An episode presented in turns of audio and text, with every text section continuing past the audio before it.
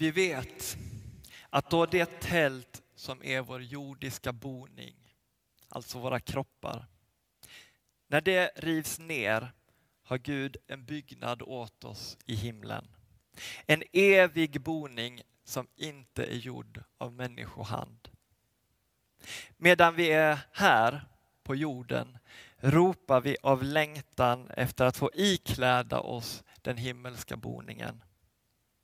Ty har vi väl klätt oss i den så ska vi inte stå där nakna. Vi som ännu bor i tältet ropar i vårt betryck.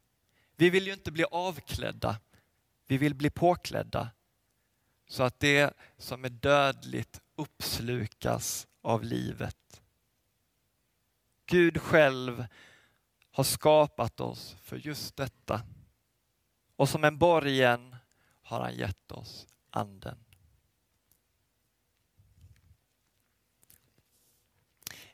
I mina tonår så var jag en riktig bokslukare. Jag älskade att läsa långa romansviter. Det började väl med Tolkiens Sagan om ringen, men eh, spårade ut i att jag läste den ena orimligt långa fantasyserien efter den andra. Nu när jag är äldre så orkar jag mest se på tv-serier. Och det värsta som finns är när man börjar se på en tv-serie, fastnar för den, har sett färdigt första säsongen och plötsligt inser att det finns en fyra, fem säsonger till. Då ger jag oftast upp. Erfarenheten har lärt mig att det sällan blir så mycket bättre. Storyn blir bara tunnare för varje säsong när manusförfattarna försöker klämma ut de sista slitna idéerna ur tuben och spä ut dem så att de ska räcka så länge som möjligt. När jag var ung så var det nästan snudd på en dygd. Ju längre, ju bättre och kvaliteten var definitivt underordnad.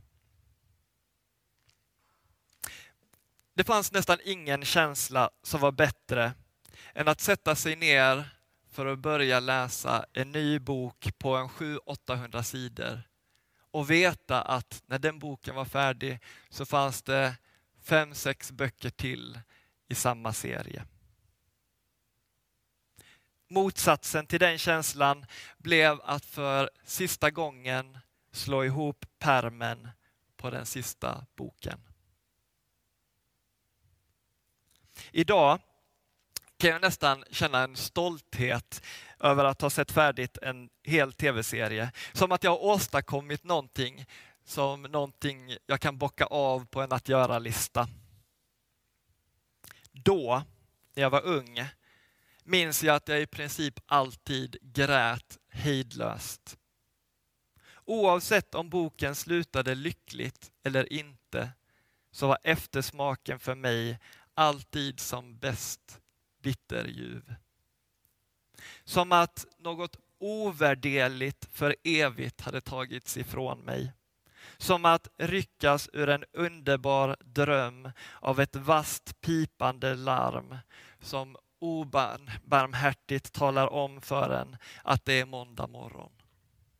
Och även om man trycker på snooze och drar täcket över huvudet så undflyr sömnen en och konturen av drömmen bara bleknar och blir otydligare ju mer man försöker återvända till den. Med min vuxna effektivitetsälskande hjärna är det nästan ofattbart. Men då älskade jag att läsa om böcker. Det var det bästa botemedlet mot tomheten när en bok var slut. Att direkt kasta sig in i en ny eller i brist på det, att helt enkelt börja om från början. Men det blir aldrig riktigt samma sak. Det är som att besöka barndomens platser. Man kan vemodigt njuta av minnen som plötsligt vaknar till liv igen. Men det går aldrig att få tillbaka ett av de där till synes eviga guldskimrande sommarloven. Lite så har jag ofta sett på döden i mitt liv. Som att slå ihop pärmarna på boken för sista gången. Eller ännu värre, som att inte ens få läsa färdigt boken. Att slitas ur berättelsen och aldrig få veta hur den slutade. Döden som kommer som en tjuv. Som plötsligt och utan förvarning bryter in i mitt liv för att stjäla allt jag älskar. En tanke som ibland har fyllt mig med en bottenlös fasa. Förmodligen, tänker jag, avslöjar den här känslan någonting om mig. Att jag på det hela taget har, har det väldigt bra. Att livet mest är en njutning. Att alternativen verkar sämre. Och jag har förstått att det inte är så för alla. Att man kan ha andra, kanske till och med positiva känslor inför döden. För mig har det alltid varit obegripligt. För mig har döden alltid varit den stora fienden.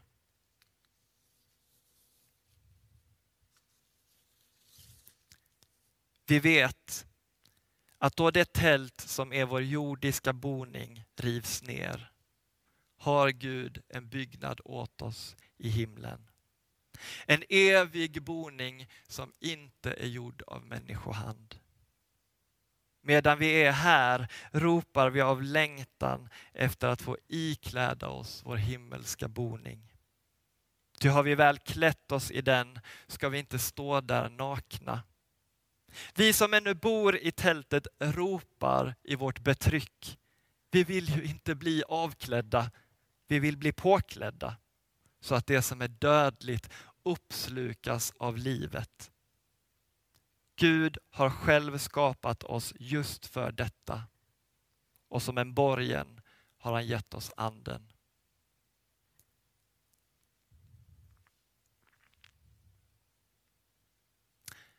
Jag har ofta känt dåligt samvete över att jag helst skulle slippa dö. Att jag till och med är rädd för att dö. Jag har tänkt att det måste bero på att min tro är svag. Att jag inte skulle känna så om jag var en riktigt överlåten och hängiven kristen. Och så har jag läst min bibel och förundrats över hur den kan beskriva döden med så helt andra ord. Paulus skriver vid mer, mer än en gång att det bästa vore om han fick dö så att han fick vara med Gud. Han kan beskriva det som att döden är en vinning. Och Johannes, han verkar vara så trygg med det eviga livet att man ibland kan få uppfattningen när man läser Johannes evangeliet och första Johannesbrevet att det är som att han tror att vi faktiskt aldrig kommer att dö. Hör bara hur Jesus uttrycker sig i Johannes evangeliet. Johannes 8, 51. Sannerligen, jag säger er, den som bevarar mitt ord ska aldrig någonsin se döden. Och i 11, 25, 26. Jag är uppståndelsen och livet. Den som tror på mig ska leva om han än dör. Och den som lever och tror på mig ska aldrig någonsin dö. Han verkar lika säker på att uppstå till evighetens gryning som jag är att vakna upp imorgon. Dödens udd verkar inte värre än ett myggbett, knappt värdigt att ge någon uppmärksamhet. Någonting som man helt enkelt kan glömma bort att nämna. Min rädsla för döden är inte mer än barnets rädsla för att somna på kvällen. Vi vet att då det tält som är vår jordiska boning rivs ner har Gud en byggnad åt oss i himlen. En evig boning som inte är gjord av människohand. Medan vi är här ropar vi av längtan efter att få ikläda oss vår himmelska boning. Ty har vi väl klätt oss i den ska vi inte stå där nakna. Vi som ännu bor i tältet ropar i vårt betryck. Vi vill ju inte bli avklädda. Vi vill ju bli påklädda så att det som är dödligt uppslukas av livet. Gud har själv skapat oss för just detta. Och som en borgen har han gett oss anden.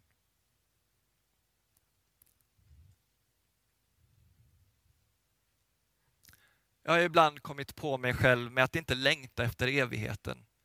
Jag vill bara inte dö. Egentligen är det väl inte så märkligt. Enligt Bibeln är vi inte skapade för att dö. Döden är onaturlig för oss. Den är ett övergrepp mot oss. Mot allt det som Gud skapade oss till. Vi är inte skapade för att älska döden eller att längta efter den. Vi är skapade för att längta efter Gud.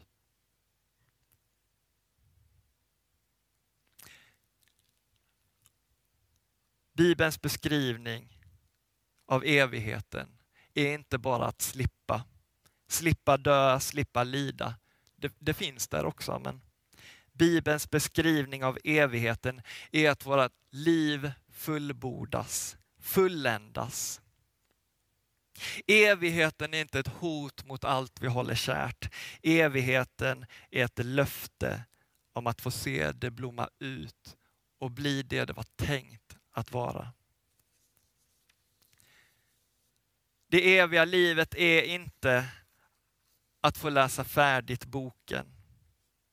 Det är inte ens att få läsa om den i evighet.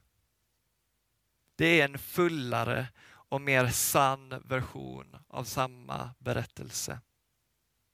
Det är att plötsligt få kliva in i berättelsen och leva den på riktigt. Att totalt omslutas och uppslukas av den.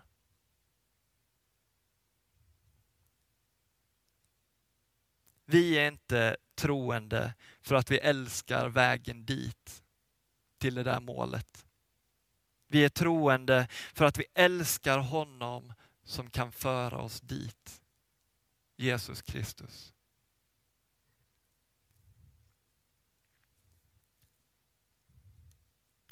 Jag vill avsluta den här predikan med att läsa ett lite längre bibelställe. Det är också Paulus, men den här gången i första Korintierbrevet.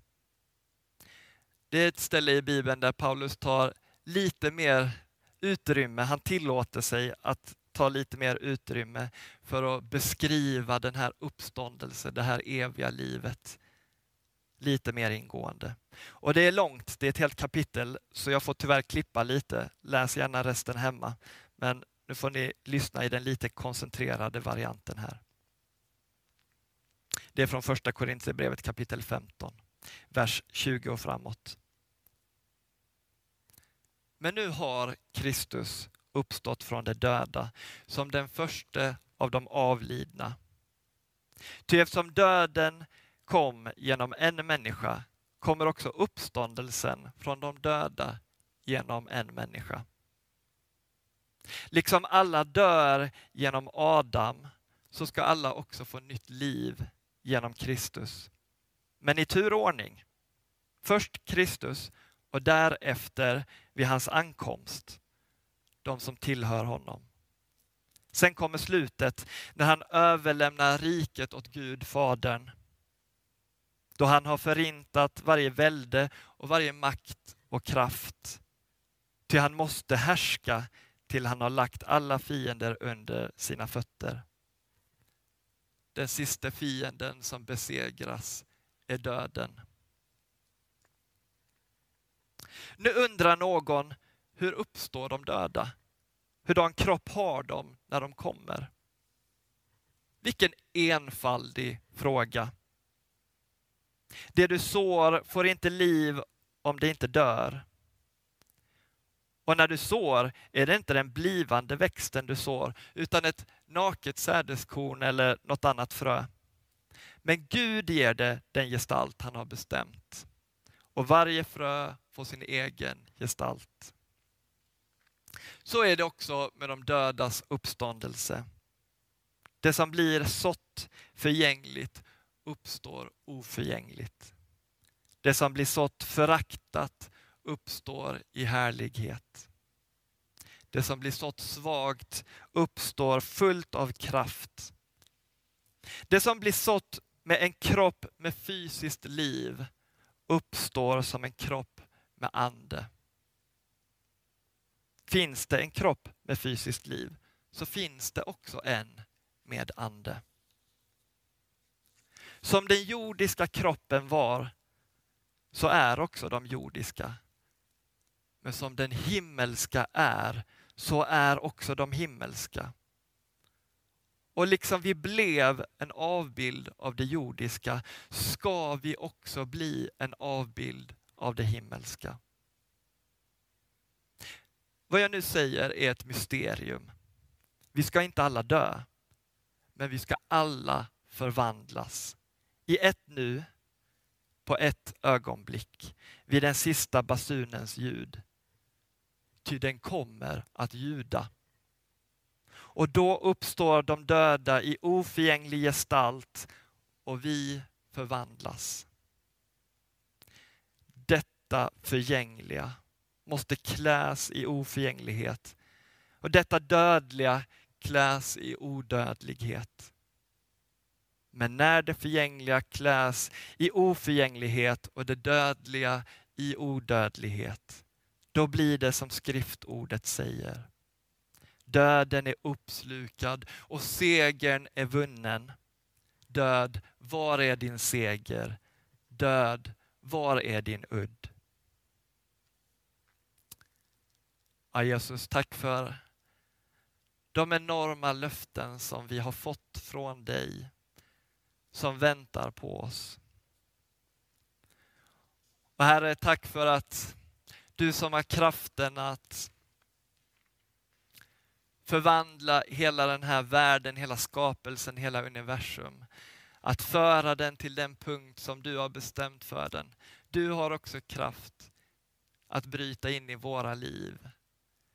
Förändra oss, förvandla oss, fullkomna oss göra oss till dem som vi var tänkta att vara.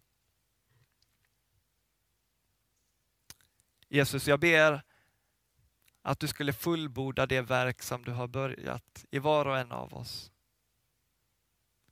Hjälp oss att släppa saker som skulle försöka hindra dig eller komma i vägen. Hjälp oss att släppa våra krampaktiga tag om våra liv. Hjälp oss att våga låta dig klä oss i skinande, rena, vita kläder dina kläder, inte våra egna trasor. Jag ber i den här tiden särskilt att du skulle uppliva vårt hopp. Inte vårt eget hopp som vi kanske krampaktigt försöker pressa fram, utan det hoppet som kommer från dig och från din evighetsklara morgonljus. Låt det få lysa in i våra hjärtan, lysa upp våra hjärtan, lysa upp våra sinnen. Så att vi får bli fyllda med ditt liv. Amen.